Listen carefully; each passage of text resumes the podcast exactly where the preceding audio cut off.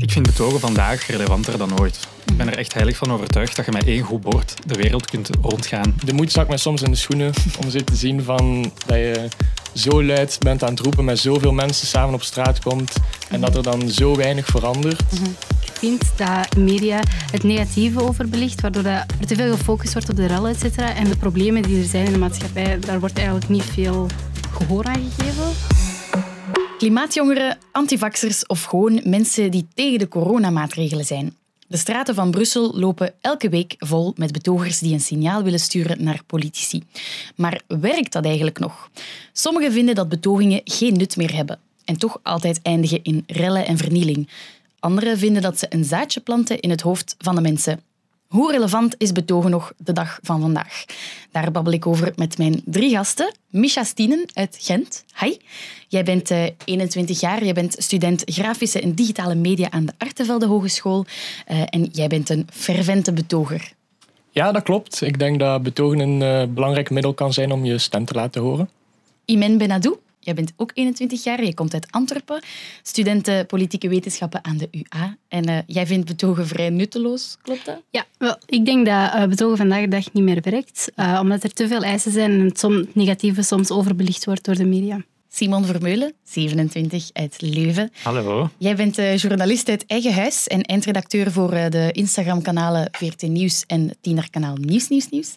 Wat kom jij vertellen vandaag? Ja, ik kom eigenlijk de rol van de media, die iemand dus net in vraag stelt, um, op mij nemen. En ik ga zeggen hoe dat wij het bij VRT aanpakken, zo verslag geven over betogen. Ja, alright. Samen gaan we het hebben over het nut van betogen, over hoe je een boodschap best overbrengt en hoe de media daarmee omgaan. Welkom, welkom, welkom.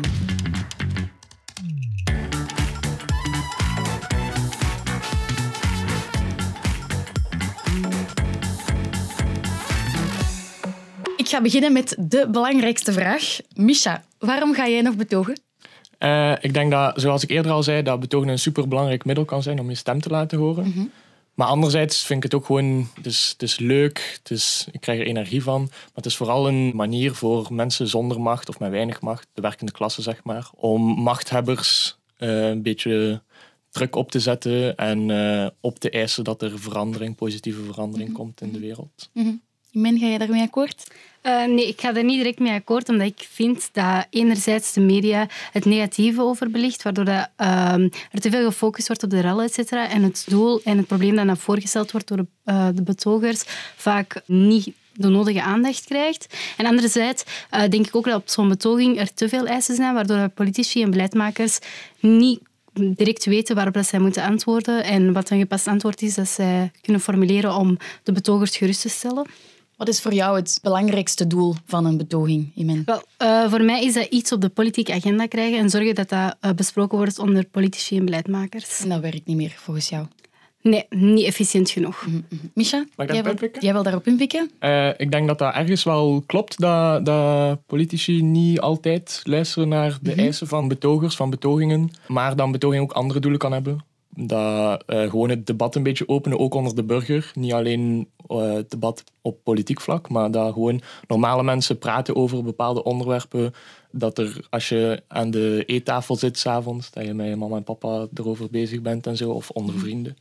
Uh, ik denk niet direct dat het betogen daarvoor nodig is om een gesprek te openen of een gesprek te starten, zeg maar. Ik denk dat dat ook gewoon uh, kan gedaan worden onderling en dat je daarvoor niet per se op straat moet trekken. En ik denk wel dat het belangrijk is dat ook bij een betoging de focus ligt op wij willen iets veranderen en er is iets mis in de maatschappij en wij willen dat aankaarten en wij zouden liefst een verandering zien. En als dat niet het doel is, ja, dan kan je voor het kleinste ding op straat komen, naar mijn mening. Wat moet er dan wel gebeuren volgens jou? Wel, ik denk dat er het belangrijkste is inderdaad dat politici en beleidmakers dat bespreken. Dus dan denk ik dat andere manieren die veel effectiever zijn of efficiënter zijn om dat, uh, en duidelijker vooral, mm. om dat bij die beleidmakers te krijgen en ervoor te zorgen dat zij een gepast antwoord formuleren. Mm. Simon, vind jij betogen nog nuttig? Ja, ik vind betogen vandaag relevanter dan ooit. Ik ben er echt heilig van overtuigd dat je met één goed bord de wereld kunt rondgaan. Want ik doe het letterlijk zelf. Als wij op de VRT, ik werk voor de sociale mediakanalen uh, Nieuws, Nieuws, Nieuws voor tieners en uh, met Instagram-kanaal VRT Nieuws. Um, en als wij ja, wij schuimen sociale media af. En als wij um, een betoging zien met bijvoorbeeld pakkende foto's of iemand dat een bord omhoog houdt met een pakkende tekst, dan kunnen wij dat zomaar brengen in België en daar heel veel van onze volgers mee aanspreken. Dus ik denk dat het vandaag meer dan ooit wel een effect kan hebben. Dus voor jou gaan die betogingen en die sociale media wel hand in hand? Ja, absoluut. Want je zou wel kunnen zeggen, in tijden waar sociale media zo overal aanwezig zijn, waar je zoveel mensen kan bereiken met sociale media, is het echt nog nuttig om fysiek de straat op te trekken en met een bord te gaan zwaaien?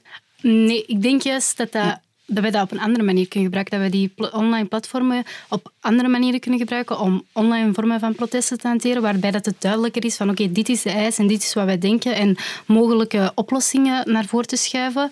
Want ik denk dan bijvoorbeeld aan um, petities tekenen of het massaal versturen van e-mails of boycottacties, waarbij het duidelijker is van oké, dit is het probleem en dit is waarom wij op straat komen. En dat het minder is dat je enkel een stem geeft aan de organisatoren en aan de vijf mensen die je spreekt op een betoging, om dan een mening te vormen van, van oké, dit is waarom die mensen op straat komen. Ik denk dat het belangrijker is dat die mensen, dat iedereen wel een inspraak heeft op welk probleem dat naar voren wordt geschoven of welke eis dat gesteld wordt. En ik denk dat dat kan gebeuren via die online platformen.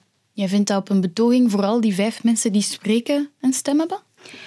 Ik denk dat die mm, eh, een groot deel van de, wat er in de media terechtkomt wel in handen hebben. En dat zij wel uh, kunnen bepalen hoe dat, dat gekaderd wordt en welke problemen er naar voren geschoven worden. Mm. Misha, men lijkt te zeggen dat het gewoon niet werkt. Het ding is een beetje, ik ben een beetje sceptisch over zo uh, activisme op sociale media, denk ik. Waarom? Omdat dat zo heel individualistisch is en zo van dat geeft een beetje een beeld van jij als persoon kan de wereld veranderen door door actie te ondernemen. En ergens vind ik dat een heel mooie boodschap en zit daar ergens wel een beetje waarde in. Maar ik hecht nog heel veel waarde aan uh, samen met een grote groep een gemeenschappelijke actie te.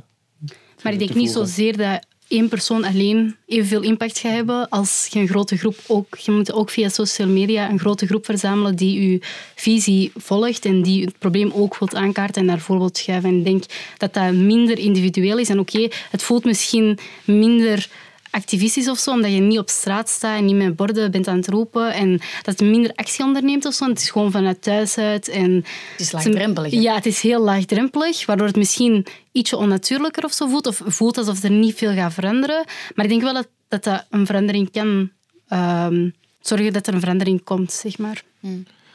Ik vind, Iman, dat jij heel erg zo praat over een concreet um, een betoging gaat iets veranderen. Beleidsmakers gaan iets veranderen.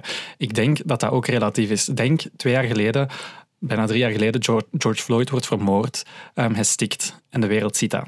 De dag nadien staat heel Minneapolis in rep en roer. Er zijn letterlijk winkels die afbranden, maar er zijn ook echt mensen die tot op het bot zijn gekwetst en samen automatisch op straat komen dat is tot bij ons geraakt. We hebben die dag, diezelfde dag, met een tiener uit Minneapolis gepraat via Instagram, die aan onze tieners heeft verteld: Ik ben als zwart jong meisje bang om op straat te komen. Zij stond in een betoging tegen racisme. Ik denk soms niet dat een betoging per se een verandering wil teweegbrengen, maar eerder een gevoel van wij zijn hier. En daarom begrijp ik u wel, Misha, dat jij zegt van je voelt u betrokken.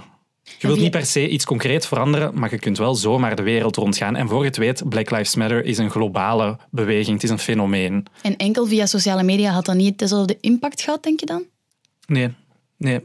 Het feit dat daar mensen met tranen in hun ogen op straat staan, dat er fotografen die de wereld laten rondgaan en dat wij dat oppikken, dat heeft een kettingreactie in gang gezet die tot op de dag van vandaag ja. niet is gestopt.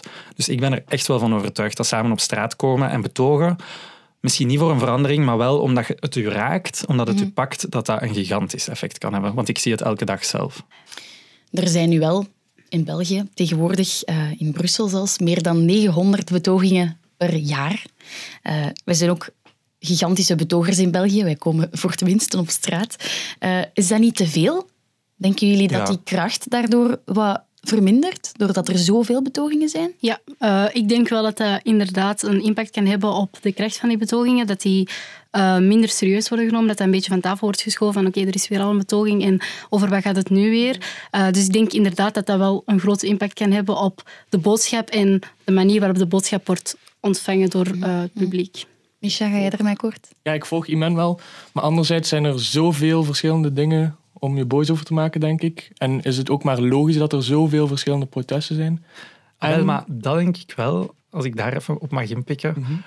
Ik vind eigenlijk dat voor heel veel activisten of betogers vandaag de dag zo betogen, het is mijn zondag, het is mijn zondagshobby. ik ken echt mensen op Instagram en op Facebook. En dat vind ik dan ook de keerzijde van sociale media. Mhm. Ehm, vandaag gaan we eens betogen voor de Afghanen. Volgende keer is het voor de olijfbomen in Griekenland. En dan zijn het de huisdieren in ergens, ergens in Amerika die mishandeld worden en dan ga ik mezelf een keer vastketenen aan het parlement. Ik ken echt, allez, ik trek het nu in het belachelijke, hè, maar ik ken echt mensen die voor hun plezier gaan betogen. tegen alles. Ik zie jou knikken. Voel je jou niet een beetje aangevallen door die uitspraak? Ik, ik, volg je volledig en uh, ik denk dat daarom dat het goed is om, om kritisch te zijn op betogers en dat het, om dat tegen te gaan, een interessant iets kan zijn om je aansluiten aan een organisatie die bezig is met uh, activisme in de brede zin en niet alleen maar met betogingen. Dus dat je een, een concreet uh, doel kan hebben of mm. zo. Naar welke betogingen ga jij? Eh, een beetje van alles. Ik ben nog niet heel lang actief in het betogingswereldje. Is dat echt een wereldje? Maar nee, tuurlijk niet. Nee. Ja, ik vind het wel speciaal dat je zegt een beetje van alles. Zijn dat dan allemaal zaken die jou even nauw aan het hart liggen? Of ja, ga je wel, gewoon om te gaan betogen? Nee, tuurlijk niet. Nee, ik, ik kies heel bewust de betogingen uit die ik denk dat belangrijk zijn om uh, je stem over te laten horen. Welke? Bijvoorbeeld, coronabetoging ben ik niet naartoe gegaan. Mm -hmm. uh, maar klimaatbetogingen, ik ben naar een paar uh, betogingen tegen seksueel geweld. Er was in Gent waren een aantal betogingen om een, een kraakpand dat ontruimd ging worden om mhm. daar je stem over te laten horen. Dus dat soort dingen is uh, kei belangrijk, denk ik. En heeft dat iets teweeggebracht, die betogingen waar jij naartoe bent gegaan? Um, ah, wel, ik moet eerlijk toegeven, de moed zak mij soms in de schoenen om zo te zien van dat je zo luid bent aan het roepen, met zoveel mensen samen op straat komt en dat mhm. er dan zo weinig verandert. Mhm. Maar aan de andere kant moesten die betogingen er niet, komen, niet zijn, dat dan de politiek nog minder zou doen. Mhm. En dat het nog trager vooruit zou gaan, denk ik. Imen, ben jij ooit gaan betogen? Ja, ik ben uh, zelf verschillende keren gaan uh, betogen. Ik ben concreet mhm. naar het Black Lives Matter protest gegaan, naar uh, Hijabis Fight Back, mhm. ook naar een protest voor de vrijheid van de Oeigoeren. En? Waarom geloof je dan nu niet meer in? wel, ik denk de eerste betoging, eerste grote betoging waar ik naartoe ben gegaan, was Black Lives Matter. Mhm. En daarna had ik een beetje het gevoel dat wij toch niet gehoord werden. En dat het iets was van, oké, er wordt gefocust op het negatieve. En wat er naar voren wordt geschoven, de problemen die er zijn in de maatschappij, daar wordt eigenlijk niet veel gehoor aan gegeven. En er is ook niet veel veranderd of zo na die protesten. Ik heb ook niet het gevoel dat er echt acties zijn ondernomen om het beter te doen.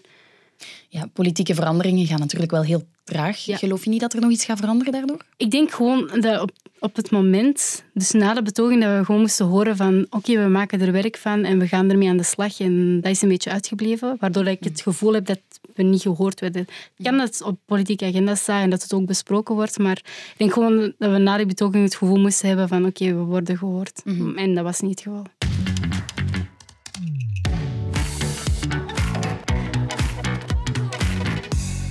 Ga nu even inpikken op wat uh, jij zei daar straks, Imen. Wij krijgen vaak de kritiek dat de media de bedogingen in een heel slecht daglicht brengen. Dat wij altijd focussen op de rellen en op het geweld.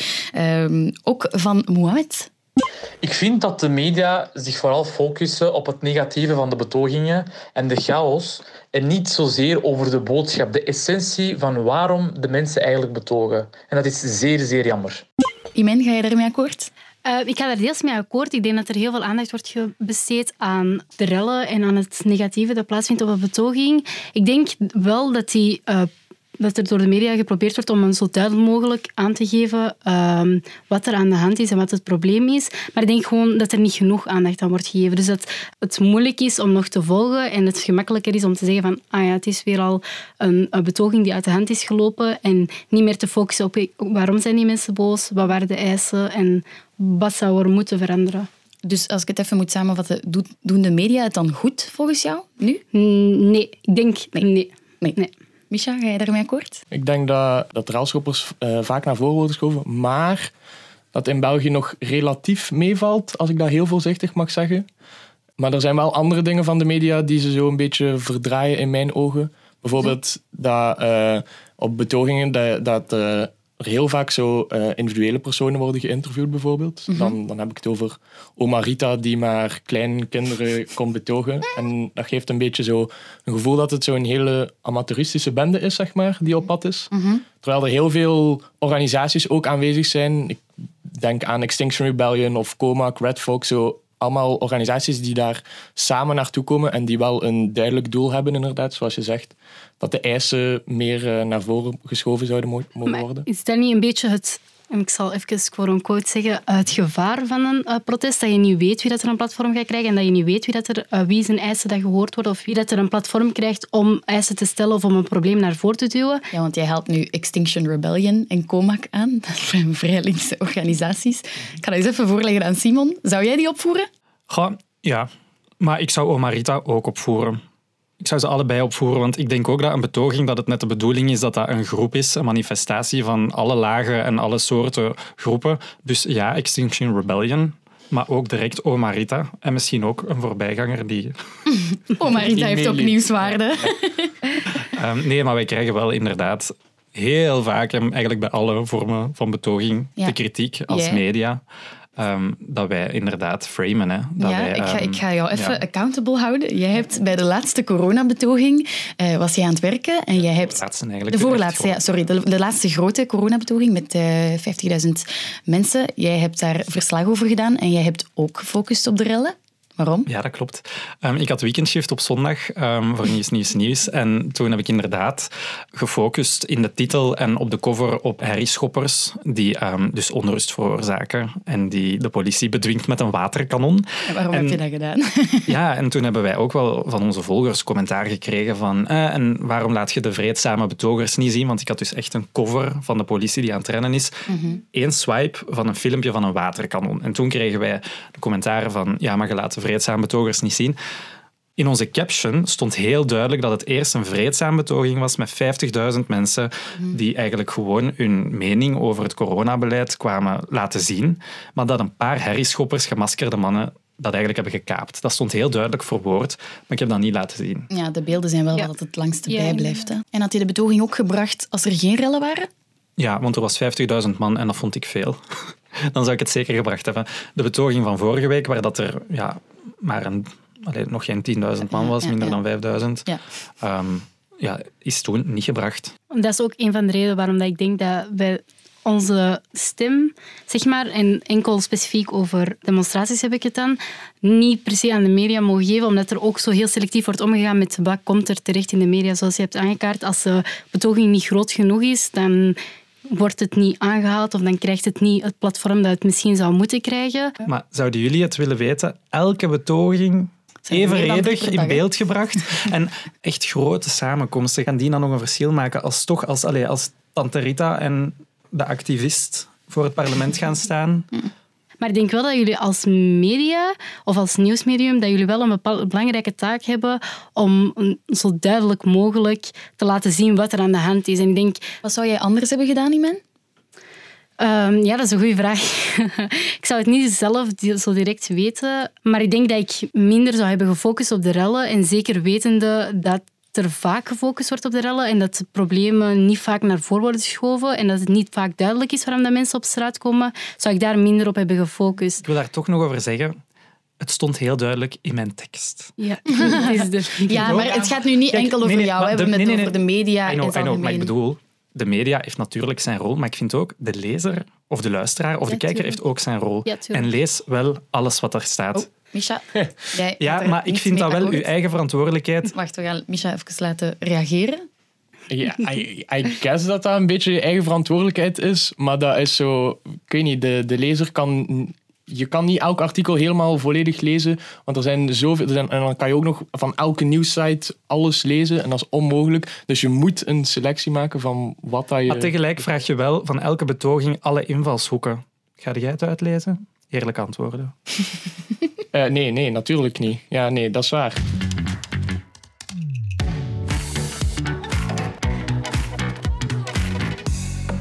Misha, denk jij dat er minder aandacht zou zijn geweest voor de betoging? We gaan nu hè, als voorbeeld de laatste corona, grote coronabetoging pakken van een paar weken geleden. Denk jij dat er minder aandacht zou zijn geweest? Moesten er geen rellen zijn geweest? Uh, misschien wel, maar dat is misschien ook niet altijd even erg of zo. Want als de aandacht eruit bestaat van er wordt alleen maar rel uh, of herrie geschopt, dan is die aandacht niet interessant voor het doel van de betoging, zeg maar. Slechte reclame is toch ook reclame? Sure, ergens wel. Nee, maar dat, dat klopt. Er wordt nog steeds over gepraat en het debat wordt geopend en dat soort dingen. Mensen zijn ermee bezig en daar volg ik je volledig in. Mhm. Maar om een, een boodschap naar, of op, op de agenda te zetten, is het wel belangrijk dat, er, uh, dat mensen ook erachter kunnen staan. En je kan niet altijd achter staan op mhm. geweld, I guess. Um, ik ben het niet direct eens met de uitspraak van slechte nieuw reclame is ook uh, reclame. Ja, dan is het makkelijk om heel die eis, die, of alle eisen die naar voren worden geschoven tijdens zo'n betoging, om die ook van tafel te schuiven. Om te zeggen van oké, we gaan ons enkel focussen op het probleem. En in dit geval was dat dan de wrijvingen tussen de politie mhm. en uh, burger. Mhm. Maar dan krijg je niet echt reclame voor de betoging. Dan krijg je meer reclame voor we gaan op andere aspecten focussen en andere dingen die fout zijn in de maatschappij of andere dingen die niet werken. Maar niet echt iets dat met de betoging te maken Maar als je de invalshoek van een journalist ehm, meeneemt, of, of wat dat er altijd in de media komt, ja. Ja, de visueel sterkste beelden zijn natuurlijk altijd wel degene van de rellen. Hè, zijn de impressionante beelden, die gaan de wereld rond. Um, zou je dan niet zeggen dat geweld makkelijker een betoging in de media krijgt? Ja, dat zeker. Dat, ja, dat denk ik wel. Ik denk dat geweld spijtig genoeg wel ervoor zorgt dat een betoging in de media komt en dat er besproken wordt. Misha, is geweld dan ook nodig in een betoging af en toe, volgens jou? Uh, nee, nodig is uh, absoluut niet. Absoluut niet. Maar het kan soms gewoon niet voorkomen worden. Mm Je haalde nu ook uh, organisaties zoals Extinction Rebellion aan, die wel bekend staan voor hun burgerlijke ongehoorzaamheid. Vind je dat nodig op een betoging om een punt te maken? Uh, dat, kan, dat kan meer interessant zijn, ja. Dat, mhm. Ik denk dat er uh, wel iets te zeggen valt over uh, hier en daar een, een wegblokkade of, of het bekladden van het een of ander gigantisch bedrijf. Mhm. Ik denk dan aan die bekende quote van Martin Luther King van Violence is the language of the unheard. Dat als je niet geluisterd wordt en er komt geen actie, dan moet je hardere aanpakken gaan uh, gebruiken, denk ik, om uh, Ik begrijp die frustratie en ik begrijp ook dat als je een bepaald probleem herhaaldelijk hebt proberen aan te kaarten en het nog steeds niet gehoord wordt, dat het frustrerend is. Maar ik denk niet dat geweld ooit gebruikt moet worden om dat doel te bereiken. En ik denk ook dat er daardoor in de maatschappij zeg maar, een tweedeling uh, ontstaat, waardoor dat mensen thuis die het misschien één, uh, het begin wel eens waren met de betoging en die er wel achter stonden, mhm. maar niet actief meededen. Dat die zoiets hebben van, ah ja, oké, nu staan wij er helemaal niet achter, want dit is voor ons een stap te ver. Ik geloof nog altijd dat woorden krachtiger kunnen zijn dan daden, anders was ik nooit de journalistiek ingegaan. Mhm. Ik geloof echt dat je een boodschap kunt verspreiden door te communiceren met mensen. Mhm. Dat je je verhaal kunt vertellen door je verhaal te vertellen en niet door iets te doen of stenen te gaan gooien. Ik denk, hè, moesten die 50.000 betogers en nu allemaal gelijk dode vissen voor het parlement zijn gaan liggen en niet bewogen hebben en niet gesproken voor vier uur lang. Dat zou eens een statement zijn. En al die railschoppers en die gemaskerde mannen, hè, die zouden niet eens iets kunnen beginnen, want ze werden direct opgepakt. Mhm. Wees eens een keer allemaal stil.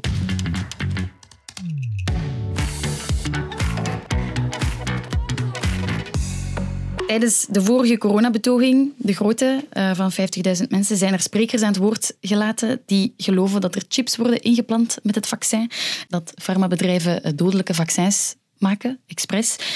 Jeff vindt dat zulke mensen geen aandacht mogen krijgen en ook geen platform. Iedereen heeft recht op vrije meningsuiting, dat lijkt mij evident. Maar dat betekent niet dat je daarvoor een platform moet krijgen en dat anderen per se naar jou moeten luisteren. We moeten altijd streven naar een open debat, maar dat kan alleen als je vertrekt van dezelfde feiten. Dat is dus niet het geval als je zegt dat bijvoorbeeld farmabedrijven doelbewust dodelijke vaccins maken voor populatieuitdunning, zoals je op sommige coronabetogingen kon horen. Ja, sorry, maar met alle respect, als je zulke onzin uitkraamt, dan heb je geen recht op een platform. Imen, mag iedereen ik vind dat iedereen recht heeft om uh, te spreken en dat iedereen ook uh, een eigen geloof heeft en dat iedereen ook iets daarvoor een bepaald doel staat en een bepaalde eis wilt stellen. En het is jammer dat sommige uh, eisen niet veel, uh, op veel slaan of dat dat niet echt op veel gebaseerd is. Uh, maar dat betekent niet dat bepaalde eisen wel naar voren mogen geschoven worden en andere niet. Want wie selecteert en is er dan geen censurering? Uh, zijn we dan nog wel heel democratisch bezig als wij die mensen dan verbieden om te spreken? Uh, ik weet niet of dat, dat, de oplossing is. Maar dus iemand met een insane mening zou dan wel op een betoging voor tienduizenden mensen mogen spreken en die mensen potentieel beïnvloeden? Ja, ik denk dat dat voor mij wel belangrijk is dat iedereen die dat recht heeft om zijn mening te delen en om te zeggen waarom dat mm hij of zij op die betoging aanwezig is. Ja. Ik denk, ja, dan heb ik een beetje vertrouwen in de mensheid dat mensen niet direct uh, zomaar alles gaan geloven en, direct van overtuigd raken. Ik denk, er gaat een deel zijn die ervan overtuigd raken en dat overnemen, maar ik hoop dat zo'n verhalen uh, niet snel geloofd worden door de meerderheid. -hmm.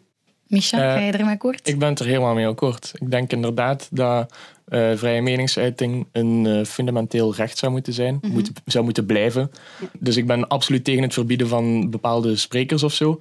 Maar het is super onverantwoordelijk, ik denk dat je het daarmee eens bent, ja. om uh, mensen die een foutieve mening, objectief foutieve mening, verkondigen op een sprekersmoment bij een betoging. Mm -hmm. En daar ligt dan de verantwoordelijkheid bij de mensen die actief hebben uitgenodigd. De organisatoren. De organisatoren. Want jullie zeggen nu dat iedereen recht heeft op vrije meningsuiting en dat alle boodschappen verkondigd mogen worden. Nee. Ook racistische nee. uitspraken? Daar is voor mij wel de grens, ja.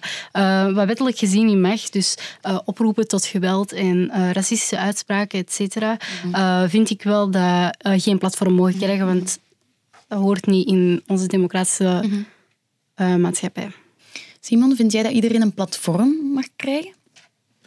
Ja, een platform, dat vind ik een groot woord, maar ik vind wel inderdaad dat alle meningen ook door ons, de media dan, mogen gebracht worden, maar wel altijd omkaderd.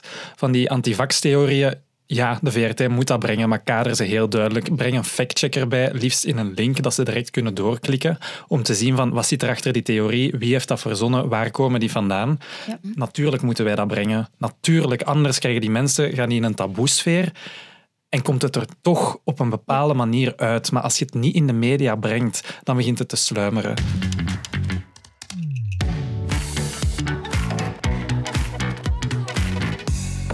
Ik wil eindigen met de volgende vraag. Betogen, zorgt dat volgens jullie voor polarisatie of juist voor samenhorigheid? Ik ga met jou beginnen. Wel, um, ik moet ook eerlijk toegeven, in het verleden, ik ben vaker ga, naar betogingen gegaan. Mm -hmm. En ik denk, het initieel doel, het samenkomen, uh, dat dat wel zorgt voor uh, solidariteit en samenhorigheid. Mm -hmm. um, maar achteraf gezien, en daarbij wil ik niet alle schuld op de media uh, schuiven, maar wel, wel, maar wel een deel daarvan, denk ik wel dat dat zorgt voor polarisering. Mm -hmm. Misha? Ga je ermee akkoord? Ik ga ermee akkoord. Ik denk uh, wel dat die polarisering dat die niet um, gebeurt louter door uh, sociale media, louter door mediabedrijven, mm -hmm. maar dat dat vaak in zo Facebookgroepen of zo op een of andere Reddit-pagina, dat daar de voornaamste polarisatie gebeurt. En dat dat dus totaal niet, maar daar ben ik het, ben je het mee eens, denk ik, dat dat totaal niet uh, de schuld is van de betoging zelf. Die betogers daar Allee, daar is een supergroot solidariteitsgevoel. Ik denk dat we soms ook vergeten dat er naast de betogende mensen ook nog een hele grote massa is, oneindig veel groter, die eigenlijk totaal niet wakker ligt van bepaalde problematiek. En dat we ook heel veel weerzin opwekken met betogingen en dat je dat niet mocht onderschatten. Ik blijf er naar refereren, maar de Black Lives Matter betogingen waren heel groot, twee jaar geleden. Mm -hmm. um, en ik heb een vriendin, zij komt uit Angola. Zij is half Vlaams, half Angolees. En zij zegt van, zij woont in Leuven kleine centrumstad, nooit te maken gehad met echt flagrant racisme. Mm -hmm. Sinds Black Lives Matter wel. En ik denk dat er ook, we hebben net gehad over geweld. Ik denk dat er in activisme ook een soort geweld zit. Jij moogt niet meer racistisch zijn en jij gaat nu wit gebruiken in plaats van blank. Ik denk dat je daarbij ook zoveel weerzin kunt opwekken door die verandering zo op te willen leggen aan anderen, wat betogers vind ik wel soms in zich hebben, ja, dat er echt mensen zijn die in de bakker naar haar riepen, mm. jij vuil zwarte. ik weet niet of dat direct de link is aan de betoging zelf. Ik denk dat dat moeilijk is om te kunnen zeggen van oké, de betoging heeft ervoor gezorgd dat er meer agressie is tegenover een bepaalde groep. Omdat ik denk een dat die betogingen, hoe goed bedoeld ze ook zijn en het hele debat er rond, en dat, het, dat bepaalde mensen het gevoel hebben dat het in hun strot wordt geduwd. En dat we daar soms, dat we daar soms aan voorbij gaan. Maar moet het dan niet in de worden geduwd als het al een problematiek is dat zo lang bezig is en een probleem is dat zo lang genegeerd is geweest? Dat is een goede vraag. Ja, absoluut. Maar ik zeg maar gewoon wat zij meemaakt. en zij, zij linkt het daar wel direct aan. En dan denk ik wel van, zo geweld is nodig, maar je hebt ook wel die andere kant. En dan denk mhm. ik van, hm, misschien hadden sommige protesten en betogingen toch anders aangepakt kunnen worden. Mhm. Ik wil toch even eindigen met een spraakberichtje van politicoloog Stefan Walgraven. Eh, die heeft onderzoek gedaan naar het effect van betogingen op politici. En ik wou dat toch eventjes, laten horen, want ik vind het zelf heel interessant. Wij zijn nagegaan wat politici belangrijk vinden in het signaal dat ze van een betoging krijgen. Welke betogingen hebben effect? Bleek dat het aantal deelnemers van een betoging belangrijk is. Ook de diversiteit van de deelnemers, dus mensen uit verschillende kanten van de samenleving. Of de betogers al dan niet geweld gebruiken. Of de betogers echt moeite hebben moeten doen om deel te nemen. Dus de kosten die ze hebben gemaakt om te kunnen deelnemen. En ook een duidelijke, eenduidige, eengemaakte vraag. Dat waren de elementen die duidelijk naar voren komen als belangrijk voor politie, die dus betogingen meer invloed geven dan anderen.